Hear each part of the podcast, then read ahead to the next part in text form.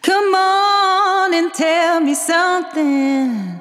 Just get it off your chest and let's groove. Let's groove. Let's move. Giant Suchitrom werd geboren in Paramaribo en verhuisde op zijn derde naar het dorpje Doesburg in de Achterhoek, waar hij ook opgroeide. Na eerst uitgeloofd te zijn voor de studie tandheelkunde, werd hij het jaar daarop nageplaatst. Dit is volgens Giant het beste wat hem ooit is overkomen. Hij behaalde zijn beul aan het ACTA in Amsterdam in 1999. Hij studeerde zelfs nog een jaar geneeskunde na zijn afstuderen en ronde ook zijn McGann-cursus orthodontie af. Na zijn eerste jaar als standaard ZZP'er in Volendam gewerkt te hebben, start hij met collega Rutger Klune zijn zeskamerpraktijk THCC, Tandheelkundig Centrum Contrast in Vleuten te Utrecht. En passant behaalde hij in dat jaar zijn bachelor rechten aan de Universiteit van Amsterdam. De praktijk is gekenmerkt door alle moderne zaken zoals een CBCT, 3-shape scanners, 3D-printers en kasten vol met Invisalign en Spark aligners en natuurlijk een mooi rood en wit interieur. Luister naar mijn goede vriend en de altijd naar verbetering op zoek zijnde collega Giant Sugitram. Tandarts, Vrijheid en Meesterschap podcast. De podcast vol wijsheid, tips en tricks over communicatie, teambuilding, leiderschap en het marketen van goede tandheelkunde. En bovenal jouw opstap tot financiële vrijheid en jouw succes. Welkom bij de Tandarts, Vrijheid en Meesterschap podcast.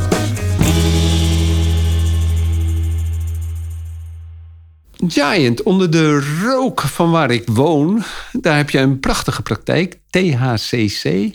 En als je hier langs rijdt, zie je een mooie rode gloed.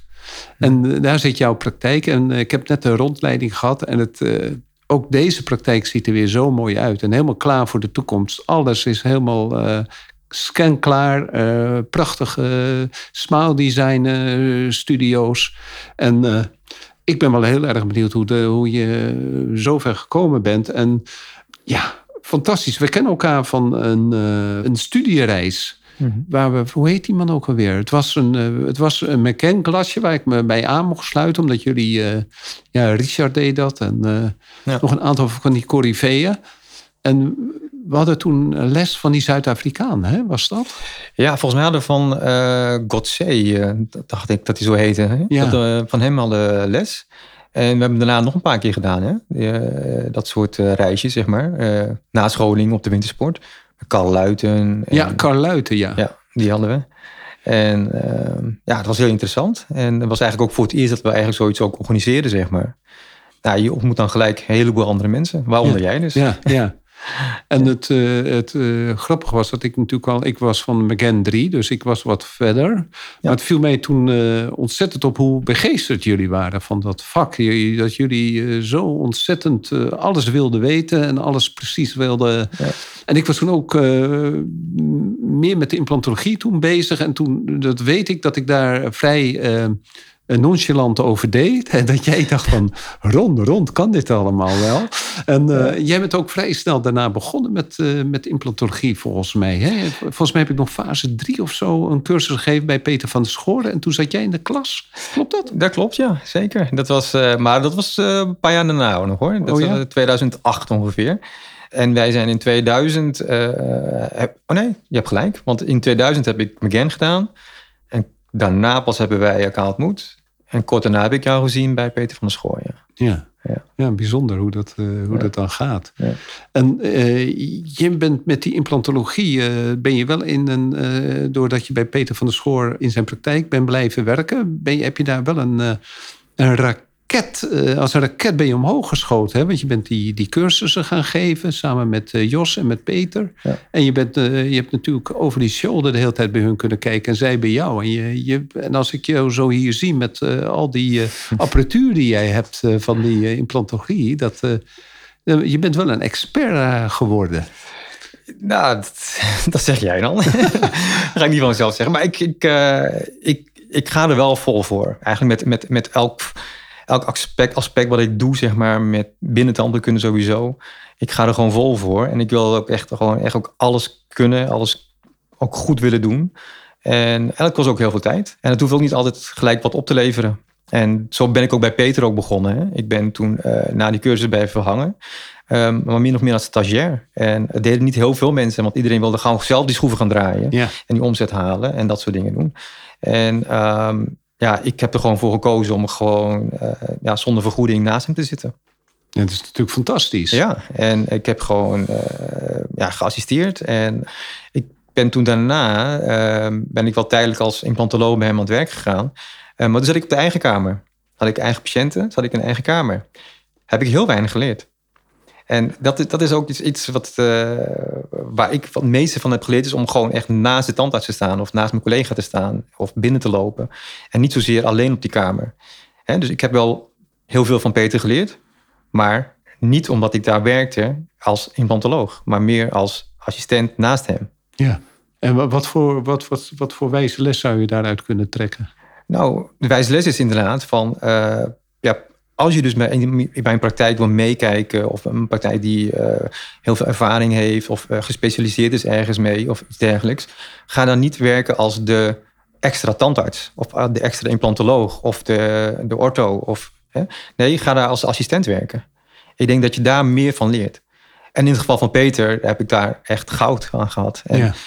ja, uh, we hebben het over hem. we missen hem. En ja. het is natuurlijk heel vervelend dat hij weggevallen is kort geleden. Um, want Peter heeft echt heel veel voor mij betekend. Ik word hier een klein beetje emotioneel van. Dat ik ook niet, nou, niet gelijk. Ik, ik krijg ook meteen ja, een traantje. Dat had ik niet uh, gelijk verwacht. Uh, maar uh, ja, hij is als geen ander, zeg maar, die dingen kan leren, maar ook het vertrouwen kan geven, zeg maar. Hè? dat je als je iets hebt geleerd, dat je het ook gaat uitvoeren en mm -hmm. gaat doen. En we weten allemaal hoeveel cursussen er zijn en hoeveel uh, begeleiders er zijn die jou wel dingen kunnen leren, maar het vertrouwen, dat mm -hmm. is echt heel moeilijk. Ja. En nou, dat kan hij als geen ander. Ja. Uh, hij stond voor je, hè? Zeer zeker. En, um, het, het, mooi... was, het was geen gemakkelijke man. Nee. En ook niet qua communicatie. Maar hij stond wel voor je. En dat, dat is ja. toch wel een hele bijzondere eigenschap. Hè? Het, het, is de, het was de oude kolonel die voor zijn manschappen stond. Hè? Ja, dat, zo zou je het echt wel kunnen uitdrukken, denk ik. En, en ik zag hem wel ook, ook soms af en toe wel als een soort vaderfiguur, zeg maar. Hè? Want mm -hmm. uh, als wij een keer een, een, een, complicatie hadden, bijvoorbeeld na de cursus of iets dergelijks, dan, dan bel je hem op om dan te vragen gewoon van, mm -hmm. wat kunnen we doen? Ja. En het eerste wat hij dan antwoordt is dan, uh, ik weet hoe je je voelt.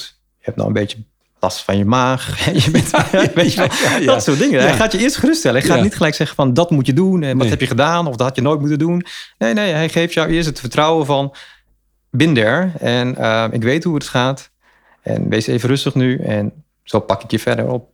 Ja, dat vertrouwen, eh, dat hebben we gewoon nodig. Uh, zeker als je beginnend implantoloog bent, beginnend -hmm. tandarts bent, beginnend met alles bent. Je hebt, je hebt iemand nodig die jou vertrouwen geeft. Ja, in mijn podcast met hem uh, had ik dat. Uh, ik gebruik meestal een uh, sprookje. En dan had ik het sprookje van Steenkje, sla die spijker er nou eens in. Hè? Ja, ja. En, maar omdat hij dat had gezegd dat die spijker erin moest, deed ik het. Hè? Want zelf zat ik echt zo. Oh, wat moet ik? Wat moet ik? Hè?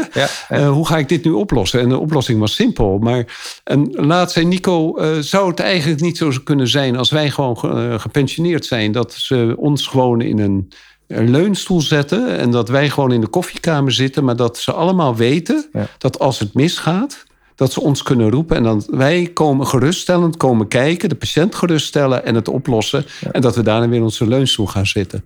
En ik denk dat dat wel het essentieel is wat jij zegt. Ja. He, dat, uh, dat, dat, dat je iemand hebt, een, eigenlijk een vaderfiguur inderdaad, die jou het vertrouwen geeft en die jou ook zal beschermen als het moeilijk wordt. Ik denk dat dat de essentie is inderdaad. Want ik heb die podcast ook nageluisterd. En wat jij daarin vertelt, van dat hij dan zijn administratie gaat doen op zijn laptop. Dat is precies hoe het hier ook is gegaan. Ja. En um, ja, dat is wat je nodig hebt, denk ik. Ja. I have a dream.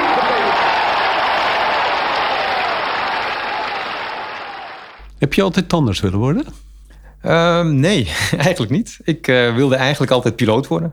Oké. Okay. En uh, heb ik ben ook redelijk ver met de, met de testen en dergelijke. Uiteindelijk niet gelukt. Waarom niet? Uh, ja, ik had, je moest allemaal die testen doen bij de KLM eerst. En de laatste test had ik geen. je moest een aantal scores halen, had ik net de score niet gehaald. Was dat mathematisch of wat, was het qua vliegen? Wat, wat nee, nee, nee, dat was nog een theoretisch. het was een soort ja, zo'n screening test doen ze dan doen.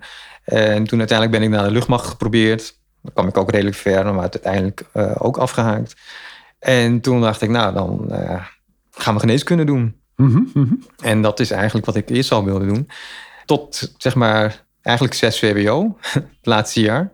En toen zei een tante van mij: zo, joh, waarom ga jij niet tante kunnen doen? Want met twee zussen doen nog geneeskunde. En ja, doe eens iets anders.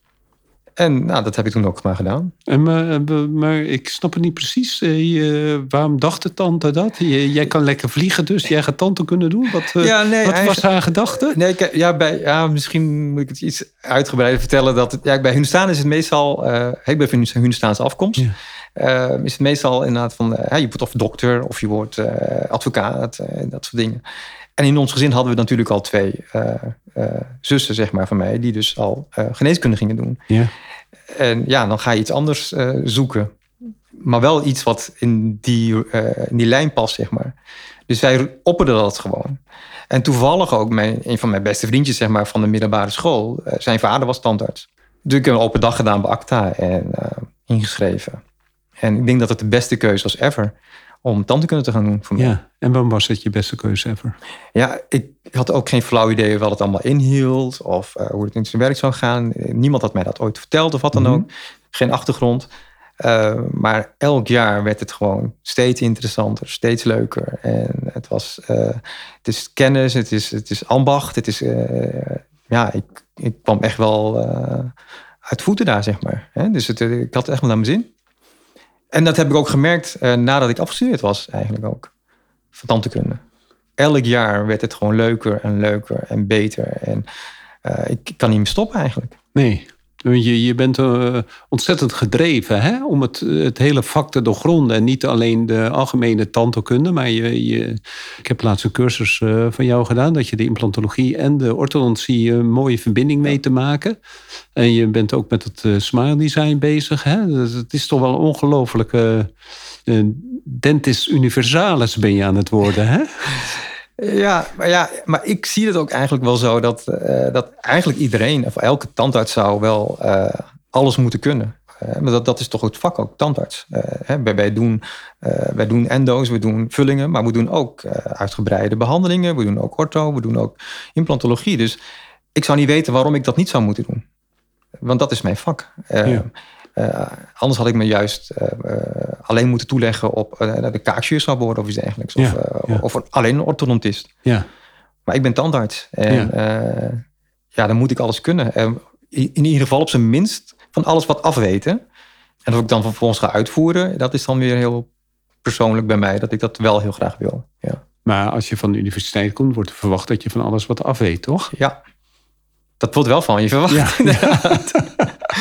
dus, uh, maar dat had ik dus niet.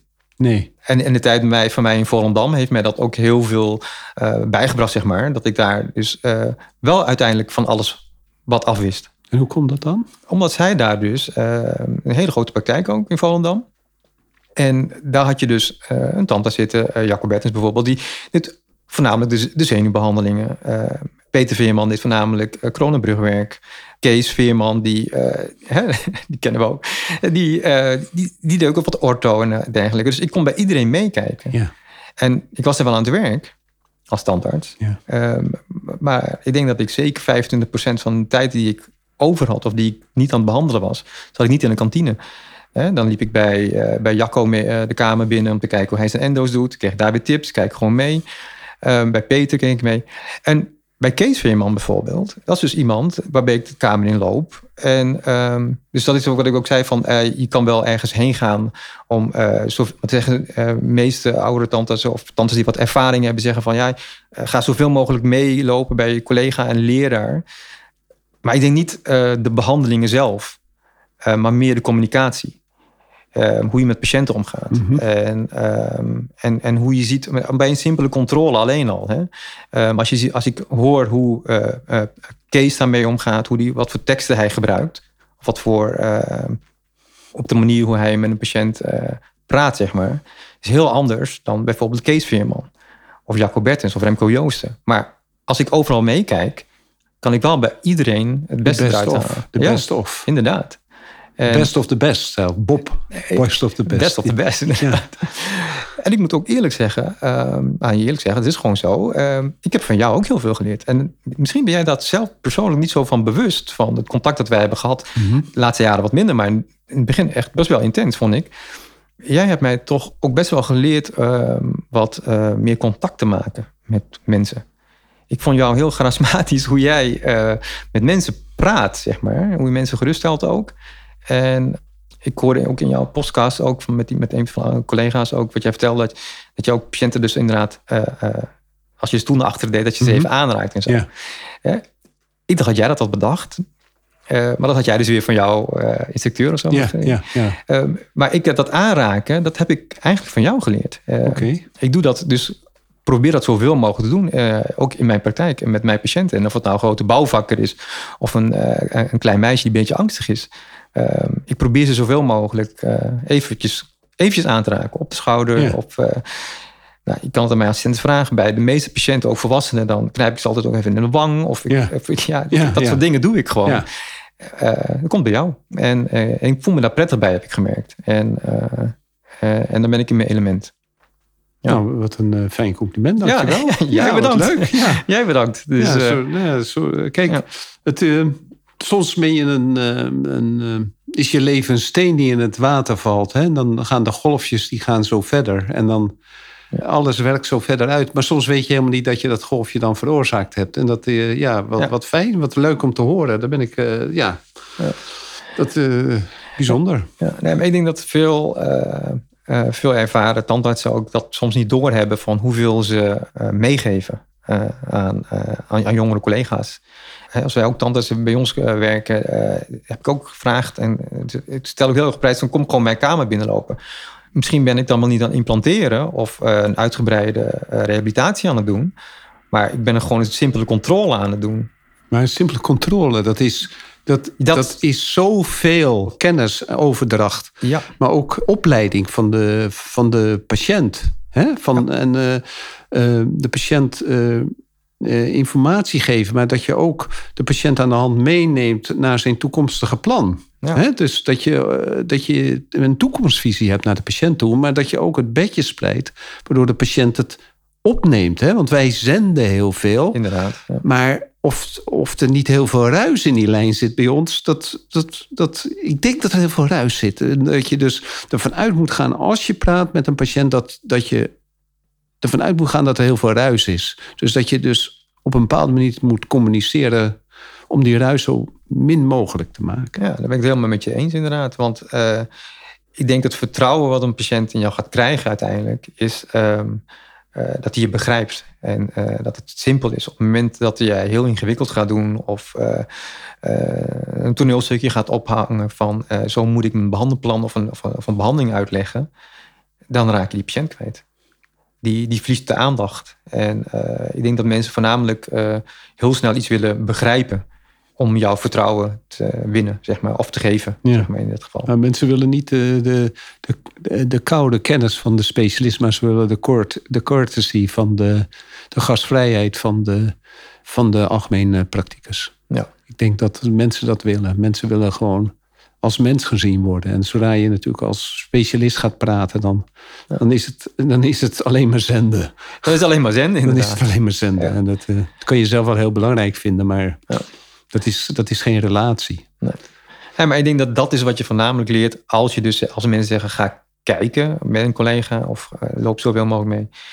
Dat, dat communiceren inderdaad. En dat heb je bij Peter ook gezien, dat heb ik bij jou gezien. Nou, dan heb ik al die voorbeelden die ik noem, ja. Ja. Ja, mooi.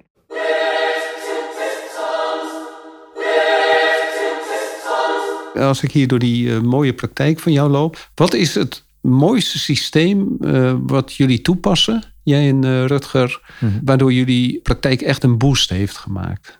Ja, dan denk ik dat ik dan.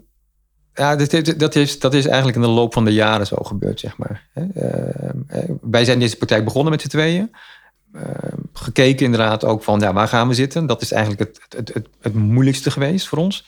Om te kijken van een goede locatie vinden. Want heel veel praktijken die wij uh, zien en ook hebben meegelopen. En ook locaties die wij hebben gezien om de praktijk uh, te starten, zeg maar. Waren allemaal bestaande locaties. Waren allemaal bestaande uh, bedrijfsunits en dat, dat soort ja. dingen. Daar konden we niet zoveel mee. En wij hebben toen van begin af aan bedacht Um, wij willen gewoon een blanco uh, schoenendoos als het ware. Dat is het ook. Ja. Dit zijn twee bedrijfsunits. En uh, we gaan geen concessies doen met de inrichting. We gaan gewoon indelen hoe wij het voor ons in, in, ons hoofd hebben. En op die manier willen we onze looproutes hebben. Willen we onze uh, lichtinval hebben. Willen we de kamers inrichten qua grootte en dergelijke. We willen niet gebonden zijn aan een, een bandje die niet weg kan of iets dergelijks. Um, en ik denk dat dat um, voor ons, zeg maar ja, de, dus de, start is geweest om deze praktijk neer te zetten. En uh, ook, ook gezorgd heeft dat we ja, nu nog steeds, zeg maar, uh, eh, 13 jaar later, uh, nog steeds prettig in deze praktijk werken. Open werken, mogelijkheden hebben gehad al die jaren om, om te groeien, zeg maar. Om uit te breiden, maar ook mee te gaan met innovaties. Hè, met zo'n fotostudio bijvoorbeeld, maar ook met een 3D-print en dat soort dingen. En als je nou echt zegt van wat heeft echt een boost gegeven. Uh, dat denk ik uh, het implementeren van, uh, van die digital smile design. Dan denk ik dat dat uiteindelijk echt een, een hele eh, stap is geweest binnen onze praktijk, maar ook binnen mijzelf als tandarts zijnde, zeg maar. Op het moment dat ik dat systeem heb, de, smile design, de cursussen heb gevolgd van Coachman en gezien heb hoe hij je laat beseffen, zeg maar, um, dat je daarmee echt veel meer gecontroleerd die dingen kan doen. Je mm handelplannen maken, je, je, efficiëntie in de praktijk uh, verbetert. Ja, dat heeft echt wel een hele grote uh, impact gehad, zeg maar. En ik moet zeggen, ik, daar borduur ik nog steeds op door. Alle nieuwe dingen, uh, nieuwe soort behandelingen die we doen, ehm, heeft als basis die, die smile design. Ja. ja bijzonder dat, die, uh, dat eigenlijk die, die innovatie, hè, die over de hele wereld, dat het, uh, dat het van een Chileen komt, hè? toch? Ja, ja, uiteindelijk. Dat is toch apart, hè? Want uh, dit, dat is de, de, wat een zorg die vaak terugkomt, is ehm, ja, dat, dat het excelleren in de tandheelkunde in Nederland is moeilijk. Ik zie dat jij excelleert, ik zie prachtige dingen staan, maar ik denk ook wel eens van deze jongen die zou meer moeten verdienen, hè? snap je? Ja, ik begrijp wat je bedoelt. Ja. Want je bent een, een, een, een expert. En uh, er, zit een. een ja, je wordt niet beloond. Dat vind ik heel erg voor jou. nou ja, dat is niet. Uh, nou, je hoeft geen medelijden met mij te hebben wat dat betreft. Maar, uh, maar ik snap wat je bedoelt. Uh, het, het, kost gewoon heel veel tijd. En, maar goed, dat hebben Rutger en ik ook samen bedacht. het is een beetje wat onze referentie is, zeg maar. Waar, waar nemen wij genoegen mee qua uh, verdienmodel. Mm En uh, dat is best wel laag bij ons. Ja. Hè? Want anders kunnen wij dit soort investeringen niet doen. En kunnen we ook niet uh, prettig werken met de dingen die we, die we willen doen. Um, kunnen, hadden we deze praktijk niet zo kunnen inrichten. We hebben het begin van ons, toen wij deze locatie uitzochten, ook bedacht van het moet gewoon high-tech zijn, het moet gewoon tijdlood zijn en het moet prettig zijn. Want wij zijn hier, waarschijnlijk zijn we hier langer per dag dan dat we thuis zijn. Ja. En uh, dan moet het op zijn minst zo plezierig zijn als thuis. Uh, en dat hebben we geprobeerd. En ik moet zeggen, dat vinden we nog steeds. Ja, want uh, de, eh, ik was hier natuurlijk bijna tien jaar geleden. Ja. En het ziet er uh, eigenlijk nog sprankelder uit dan toen. En dat is wel grappig met al die, die, uh, die uitbreidingen die jullie hebben. En die, die, die hele kleine accenten, zoals de, de nummers van de deuren, die dan bestaan uit mooie Japanse streepjes, als het ware. Ja, dat is, ik vind het heel, echt, echt heel mooi. Eh, eh, voor de, daar hebben we het nog niet over gehad. Hè? Mhm. Je zit in de gemeente Utrecht. En het is een beetje achter de, de Leidse Rijn. Hè? Achter de, ja. Als je eigenlijk de snelweg hebt en je kijkt over, de, over dat winkelcentrum, of hoe noem je dat? Ja, de wol, zeg maar. De wol. Ja. Dan daarachter zijn jullie gevestigd, toch? Ja, inderdaad. Ja. Ja, het, is, het is dus tussen uh, Vleuten, de Meren en Utrecht in, zeg maar. En die locatie is gewoon, omdat ja, ik woon in Amsterdam. Ja. En Rutger die woont in Gouda. Ja, fantastisch. En uh, wij hebben het idee gekregen toen de tijd van uh, Leon, Leon van Hagen. Ja. Dus ik vind het wel grappig, al jouw podcasts zijn eigenlijk allemaal mensen die ik uh, ja, of ook wel goed ken, of zelfs voor heb gewerkt. Maar Leon die had dus ook twee cirkeltjes getrokken toen de tijd. Ja. En daar kwam Lichtenvoorde dan uit. En daar zijn zij begonnen met zijn collega. En dit hebben Rutger en ik precies hetzelfde gedaan. En wij kwamen uit in Leidse Rijn. En dit was toevallig op dat moment nog steeds misschien wel een van de grootste finishlocaties die er zijn. Ja, het, het, het, houdt niet op, hè? Nee. Het houdt niet op. En we zijn met nul patiënten begonnen. En, um, en heel langzaam opgebouwd. We waren nog wat waarnemen. Het ging telkens een dagje minder werken bij de waarneming. In uh, Volendam in mijn geval. En van Rutger bij GO in uh, Gouda. Ja. Zodat we de hier telkens meer dagen konden opbouwen als het ware. Oké, en in die, die, die opbouwfase, oh ja, dat, dat wil ik nog even, dat, dat vind ik ook heel frappant, is vaak gaat de ene implantologie doen en de andere de orthodontie, maar jullie doen gezamenlijk alles, hè? Ja. Of heb je toch een beetje de een iets meer smile design dan de ander? Of? Nee. nee, we doen allebei, uh, allebei precies hetzelfde. En dat is ook weer een bewuste keuze geweest ja. uh, voor ons. Uh, om, om het samen te doen. He, he, Rutger doet implantologie, ik doe implantologie. Wij doen allebei de aligners, ortho. Uh, stel dat hij wegvalt, dan ik, ik neem klakkeloos neem ik over wat, ja. wat hij aan het doen is, zeg maar, met zijn patiënten. En bij mij ook. Uh, mocht ik ziek zijn of vakantie zijn, dan, uh, dan loopt het gewoon allemaal ja, zonder zorgen door. dat wilden we ook heel graag. En we vinden het ook allebei enorm interessant. Ja. We doen samen ook heel veel cursussen. En ik denk ook ehm, dat dat ook een van de redenen is waarom we ook al zo lang samen zijn. Is dat we, dat we het ook uh, samen geïnteresseerd zijn in dezelfde dingen. Qua behandelingen. Maar ook die cursussen ook samen doen. Het is niet per se omdat we zo nodig naar het buitenland moeten om een cursus te doen.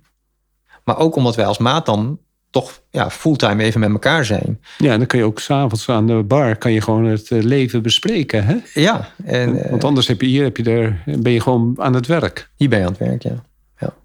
En nou doen wij het. Wij gaan, wij gaan bijna nooit voor zeven hier weg, zeg maar. Mm. dus okay. na, na, de behandelingen dan hebben we nog genoeg uh, interactie met elkaar. Maar uh, ja, dus dat was echt wel een bewuste keuze, inderdaad.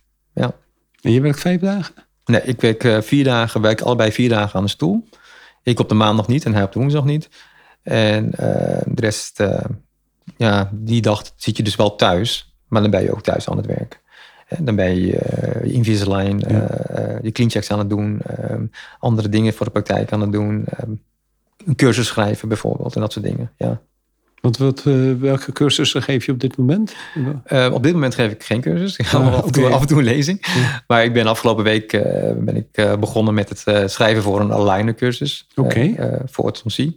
En is dat voor intern of voor, um, voor algemeen? Of, uh... um, nou, ik wil het eigenlijk als een soort een, een advanced cursus gaan geven. Voor tandartsen die met aligners werken of willen gaan werken.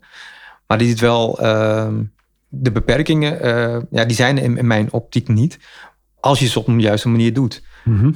dus ik wil daar eigenlijk iets voor gaan schrijven. Dat je dus wel op een gefundeerde manier, zeg maar, die aligners gaat gebruiken.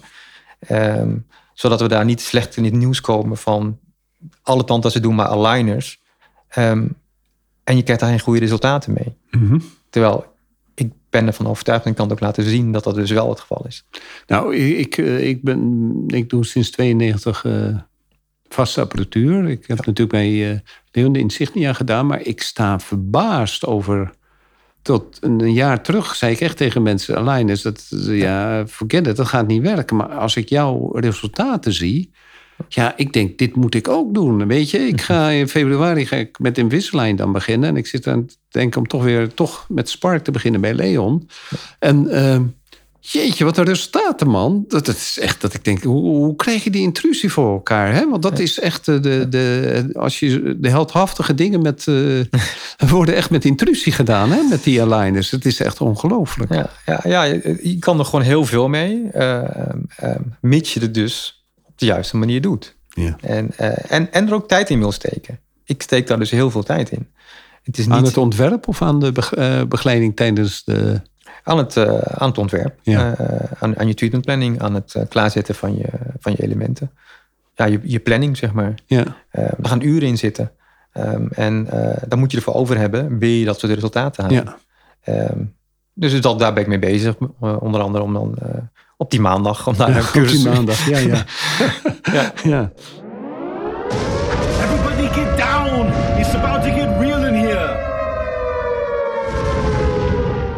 In die, uh, in die tijd, hè, wat is jouw grootste struggle geweest in de praktijk? Of in, de, in je tandheelkundig leven? In mijn tandheelkundig leven? Um...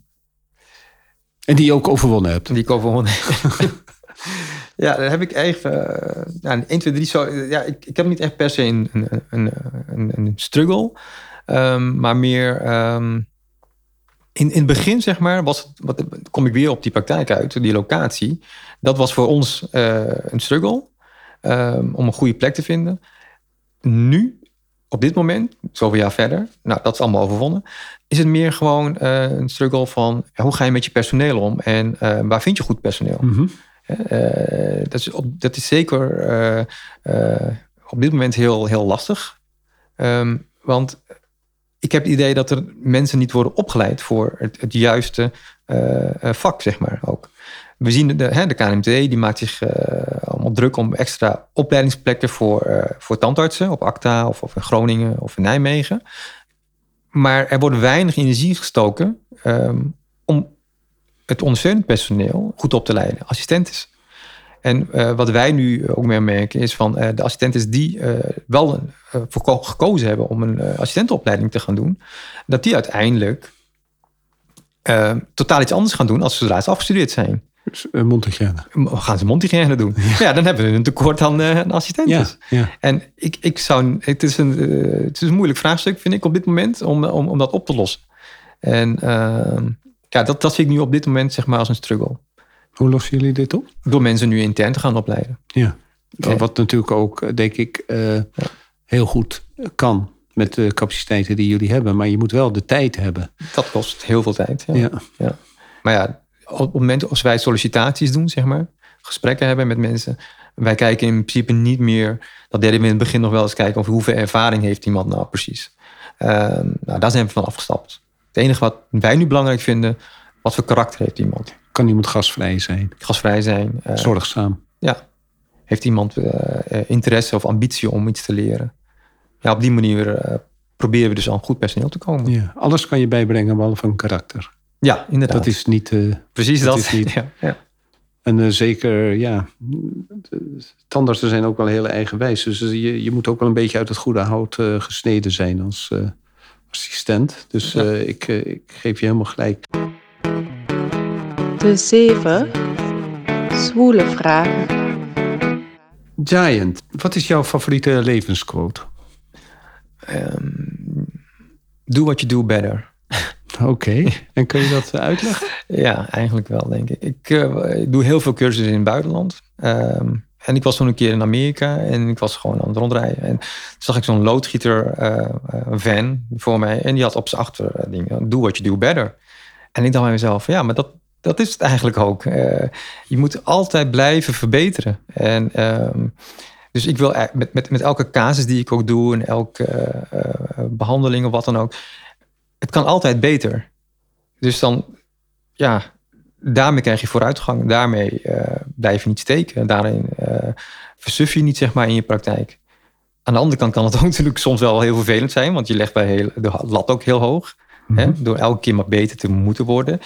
Maar ja, ik denk wel uh, uh, dat voor mij geldt, dat, dat, dat, zo zit ik er wel in elkaar, zeg maar. Ik, uh, ik, ik, ik, ik, wil niet beter worden dan eh, een andere tandarts of dan een, andere, dan een concurrent of, to, of wie dan ook. Ik wil voornamelijk beter worden dan mezelf. En dus daarom zeg ik altijd, ja, do what you do better. Ja. Ben je een perfectionist? Ja, dat denk ik wel, ja. De perfectionist heeft altijd wel een een zware last op zijn schouder, omdat hij zichzelf nooit goed genoeg vindt om ergens mee te beginnen. Perfectionisme gaat ook vaak met uitstelgedrag gepaard. Maar als ik dit allemaal zo zie hier, dan heb jij dat niet. Hoe heb je dat dan gepareerd? Hoe, hoe, hoe heb je dat voor elkaar gekregen? Om dat, die twee dingen met elkaar uh, in lijn te brengen.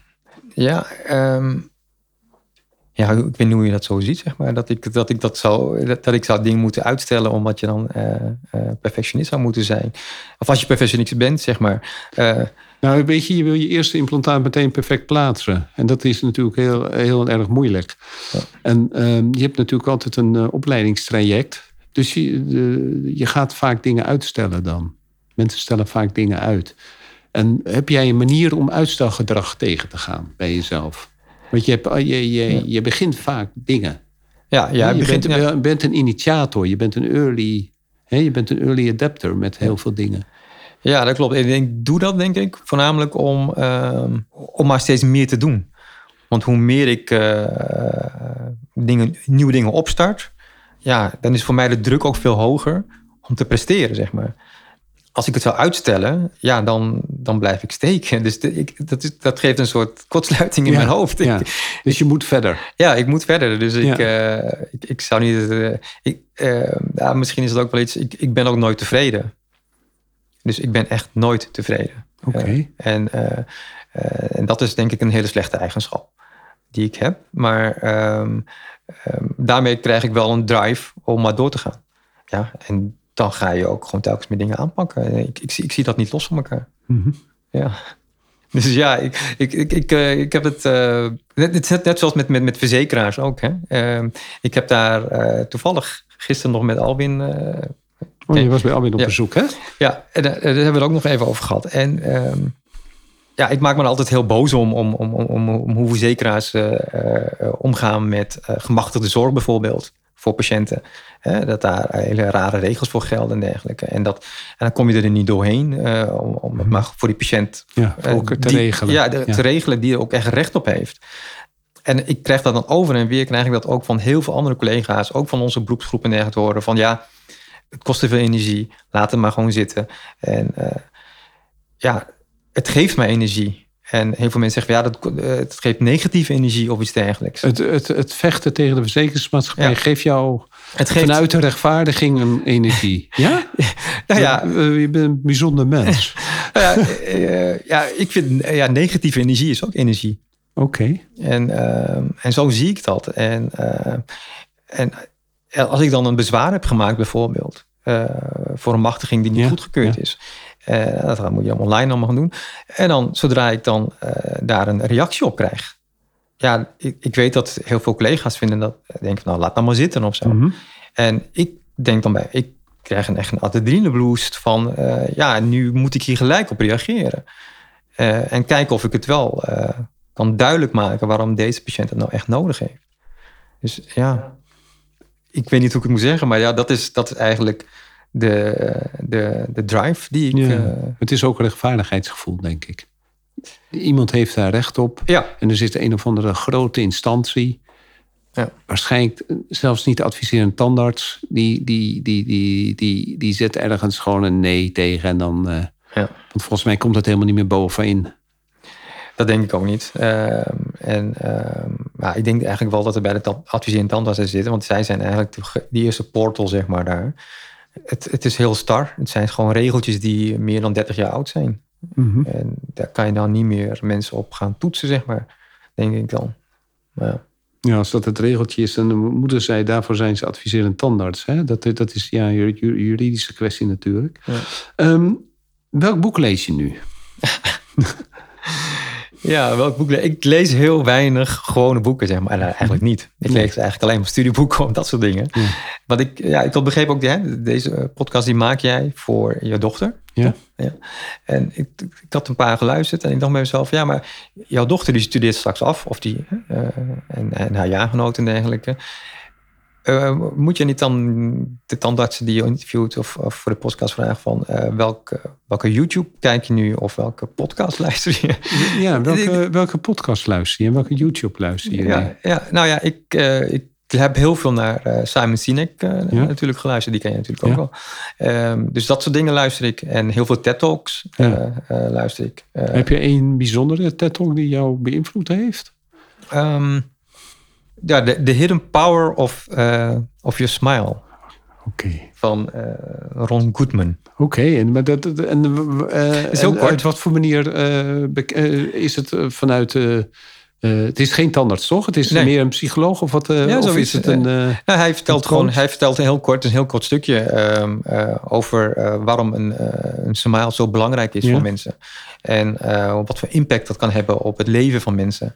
En nou, dat is eigenlijk ook waarom ik tandheelkunde uh, ben gaan doen. Uh, is onze filosofie van onze praktijk. Is Ja. de impact die wij hebben op het veranderen van mensen. levens, zeg maar. Ehm, positieve zin natuurlijk. Ja. En ehm, ja, dat soort dingen, dat, dat, uh, dat beïnvloedt je wel. Ja. Dus ja, dus dat soort dingen luister ik. Dat is mooi. Ja, ik, ik, kan, ik, kan, ik luister zelf heel veel podcasts en veel YouTube. Die heb ik eigenlijk altijd op staan. Ja. Um, onze slogan van de praktijk is: het begint met een lach. Kijk, en dat, uh, ja. en dat, dat is, het begint, alles begint met een lach, toch? Als je verstandhoudingen wil hebben met mensen en als je smile dan niet helemaal goed is, ja, dan is het een, uh, een niet een goed begin. Hè? Um, nee. Welk podcast of welk boek adviseer je, een leerboek dan um, aan elke tandarts of elke beginnende tandarts? Welk leerboek? Ja, als je een leerboek. Wat, waar, waar wordt, welk leerboek kijk je het meeste in? Heb je nog steeds een boek die je nog steeds doorbladert? Nee, niet direct meer, maar uh, uh, even kijken. Ja, kijk, uh, een, een, boek voor restauratief tandarts, zeg maar. dat, daar zijn toch de meeste mensen beginnen eigenlijk ja. met, met restaureren en dat soort. Ja. Um, ik zou zeggen, ja, het boek van Pascal Magne. Ik bedoel, dat is toch echt wel een boek waar alles wordt uitgelegd. Ehm, maar ook de smile design zit daar ook in. Ja, die zit erin. Hè? Dus dat soort dingen uh, is echt een hele goede basis. Dat zijn echt dingen die, uh, die ik zeker zou adviseren. Ja. En nascholing of cursus? Ik zou zeggen, uh, wij hebben hier ook wel eens een tandarts gehad die kwam voor gesprek. Om te, en ik zeg, nou, wat, wat, wat zijn jouw plannen? Wat zijn jouw ambities? Ja, ik wil graag iets met chirurgie en dan ga ik daarna wel kijken of ik ortho ga doen. In mijn opinie uh, is dat de verkeerde volgorde. Ik denk dat je dus eerst orthodontie moet doen. Zodra je klaar bent met de af, van ACTA, ga iets met ortho doen, want dat is echt de basis. En, um, en ga daarna kijken um, hoe je restauratief verder kan, hoe je met implantologie verder kan uh, en dat soort dingen. En waarom is het voor jou de basis, orthodontie? Want, want het is een zeer ondergeschoven kindje op de universiteiten ja, voor studenten. Voor studenten, inderdaad. En, uh, maar orthodontie maakt al je andere behandelplannen zoveel makkelijker en zoveel beter en zoveel duurzamer. Uh, dus dat je daarbij mee moet beginnen. En als je dan zegt, maar welke cursus moet je daarvan doen? Ik heb nou, hetzelfde wat jij toen ook hebt gedaan. Wij hebben McGann gedaan. Dat was een hele goede orthocursus, maar dat was voornamelijk een cursus uh, voor algemene tandheelkunde ook. Mm-hmm. Hè? Uh, en dat was ook voor het eerst dat ik met Amerikanen een cursus kreeg van Amerikanen, zeg maar totaal anders dan hoe we dat in Nederland doen. Ja. ik wilde, toen ik afstudeerde, wilde ik orthodonciecursus gaan doen. Dat deed ik bij ACTA Ortho A en B en C. Mm-hmm. Nou, ik deed A, dat werd gegeven door een aantal orthodontisten. En we zaten in die zaal. En um, uh, de spreker zat voorin. En achterin zaten zijn collega's die ook zouden spreken. andere uh, uh, uren, zeg maar. Maar het was een 1 2 Het werd telkens over onze hoofden werd er een beetje heen en weer gelachen en cursus gegeven niet serieus, in mijn opinie. Mm-hmm. Ik kwam bij McGann. We begonnen daar om half negen of acht uur. En het ging door tot een uurtje of zeven s'avonds. Als er pauze was, uh, kwam uh, de instructeurs die uit, net in waren gevlogen uit Amerika... die kwamen ons uit de, uit de lunch halen. Jongens, we gaan weer verder. Want we zijn ingehuurd om jullie wat te leren. En dat is een hele andere mentaliteit. Als je hier in Nederland een cursus volgt, heb ik het idee, is dat je de helft van de tijd ben je aan het lunchen en aan het borrelen en aan het koffie drinken. En heb je misschien effectief misschien een uurtje les gehad. Dat zou ik dus willen adviseren. Welke, welke, het is niet een, een cursus die ik zou willen zeggen, maar ga die doen. Maar doe het in het buitenland. Doe het in het buitenland, ja. Of laat het, of, of, of door een buitenland te spreken of iets dergelijks. Ja. Want uh, uh, die komen en dan krijg je waar voor je geld. Ja. Het heeft natuurlijk ook te maken met het feit dat uh, de vijver in Nederland is natuurlijk groot. En Amerikanen die over die Atlantische Oceaan komen, dat zijn meestal de betere sprekers. Ja. Hè? En, uh, ja. Want we hebben wel wat gouden mensen de afgelopen jaren hier gehad. Hè? Ja, zeker. Ja. Ja.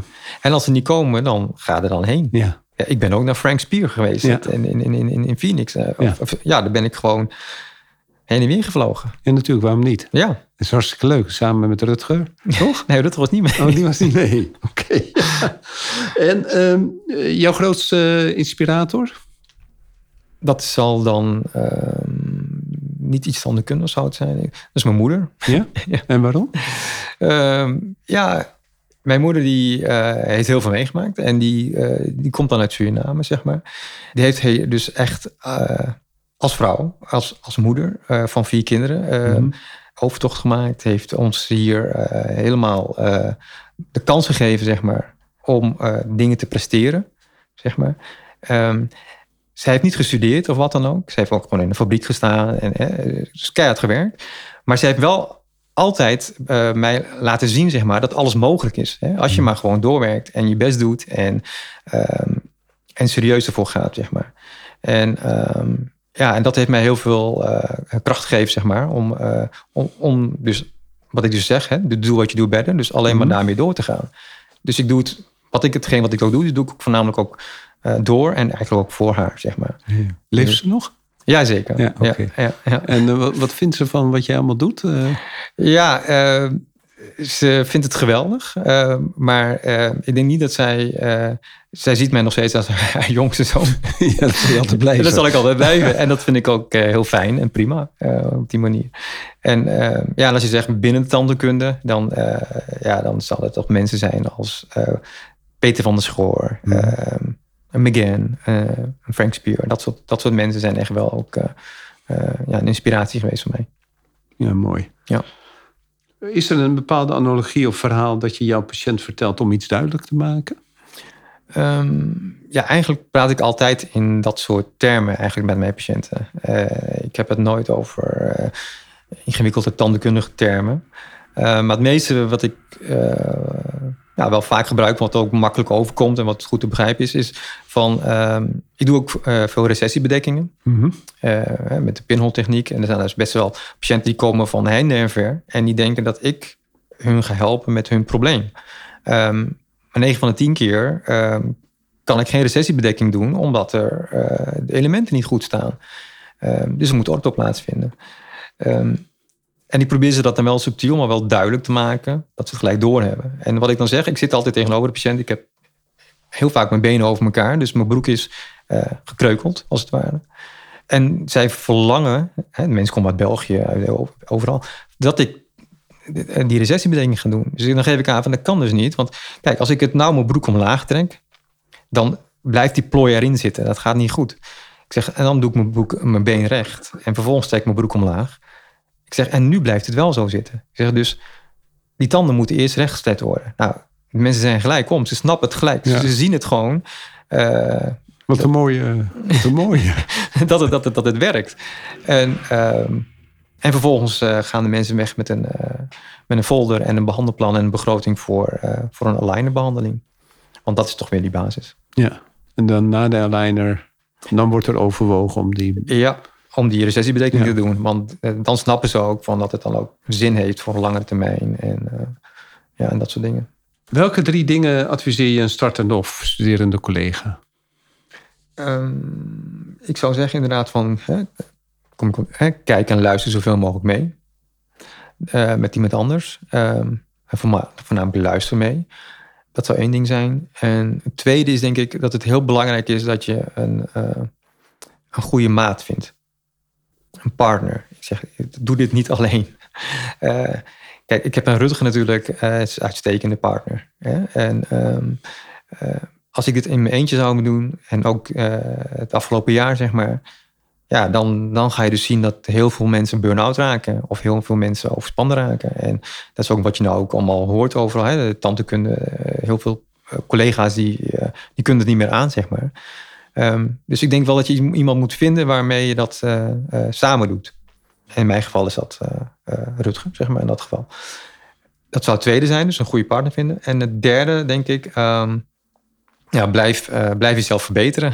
Ja. Ehm, denk niet dat je er al, al bent, want elke casus of elke behandeling of elk gesprek kan altijd beter. Als dat niet zo is, dan zou het excellent zijn. En dat is niemand. Dus je moet jezelf voornamelijk verbeteren en niet beter worden dan de ander.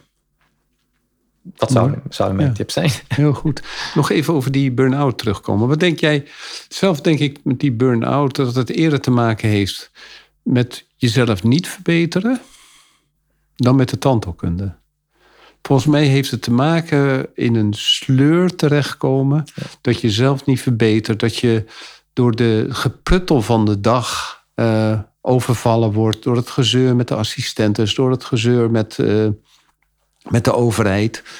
Maar als je jezelf verbetert en dat je, dat je blij bent met hetgene wat je doet en dat je trots kan rondlopen, dan denk ik dat je niet zo die, die, die vier muren op je af uh, ziet komen. Volgens mij, uh, kijk, je hebt natuurlijk die. die, die er is altijd, zijn altijd communicerende vaten. Hè? Als je als tandarts een burn-out krijgt, dan heb je ook in je gezin een burn-out. Ja. Ja, in je omgeving. Dus je moet ervoor zorgen dat dat die, die thuissituatie, hoe die er ook uitziet, dat die uh, stabiel is en goed loopt.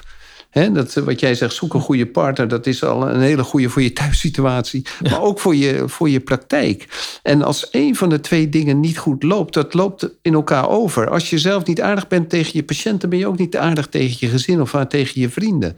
Dus het is heel erg belangrijk dat je ervoor zorgt dat je binnen die, binnen die tandheelkunde dat je jezelf steeds zal verbeteren. En, maar dan zal je ook merken dat je binnen de, binnen de thuissituatie jezelf ook verbetert. Als dat, dat, dat zijn geen gescheiden werelden. Je, als, je een, als je niet, uh, het niet goed voor elkaar hebt in je praktijk, dan heb je het ook niet thuis voor elkaar. Dat kan niet. Dat, dat is een zware last, moet dat zijn. Ja, nou, dat ben ik met je eens. Ik denk dat het het een kan niet zonder ander, zeg maar. Je, je kan niet een totaal iemand anders zijn op je praktijk. Nee. En want je neemt het allebei mee, heen en weer. Ja. Continu. Dus, en, dat, en dat wordt wel eens vergeten, denk ik, ja. in, de, in de situatie. Hey Jain, dankjewel voor uh, dit gesprek. Ik vond het uh, heel informatief, vond het hartstikke leuk. En uh, ik ben heel blij met je dat je al zo lange tijd een goede collega en een goede vriend bent. En ik vind het altijd, ik krijg altijd een goed gevoel om je te zien. Dus en dat heb ik vandaag weer. Dankjewel. Ja, jij bedankt Ron.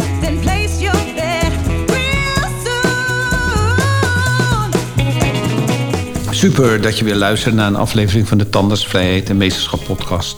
Ik zou het zeer op prijs stellen als je een review achter zou laten. Je kunt je ook abonneren op deze podcast. Klik dan in de podcast-app op de button subscribe en je ontvangt automatisch een berichtje bij een nieuwe aflevering. Ken je iemand die deze podcast ook leuk zou vinden? Deel deze dan. Via Spotify kan je dat heel simpel door op de drie puntjes te klikken en te delen. Je kan mij ook bereiken via mijn LinkedIn-account. Ik ben te vinden onder mijn naam Ron Steenkis. Nogmaals, dankjewel en tot de volgende keer.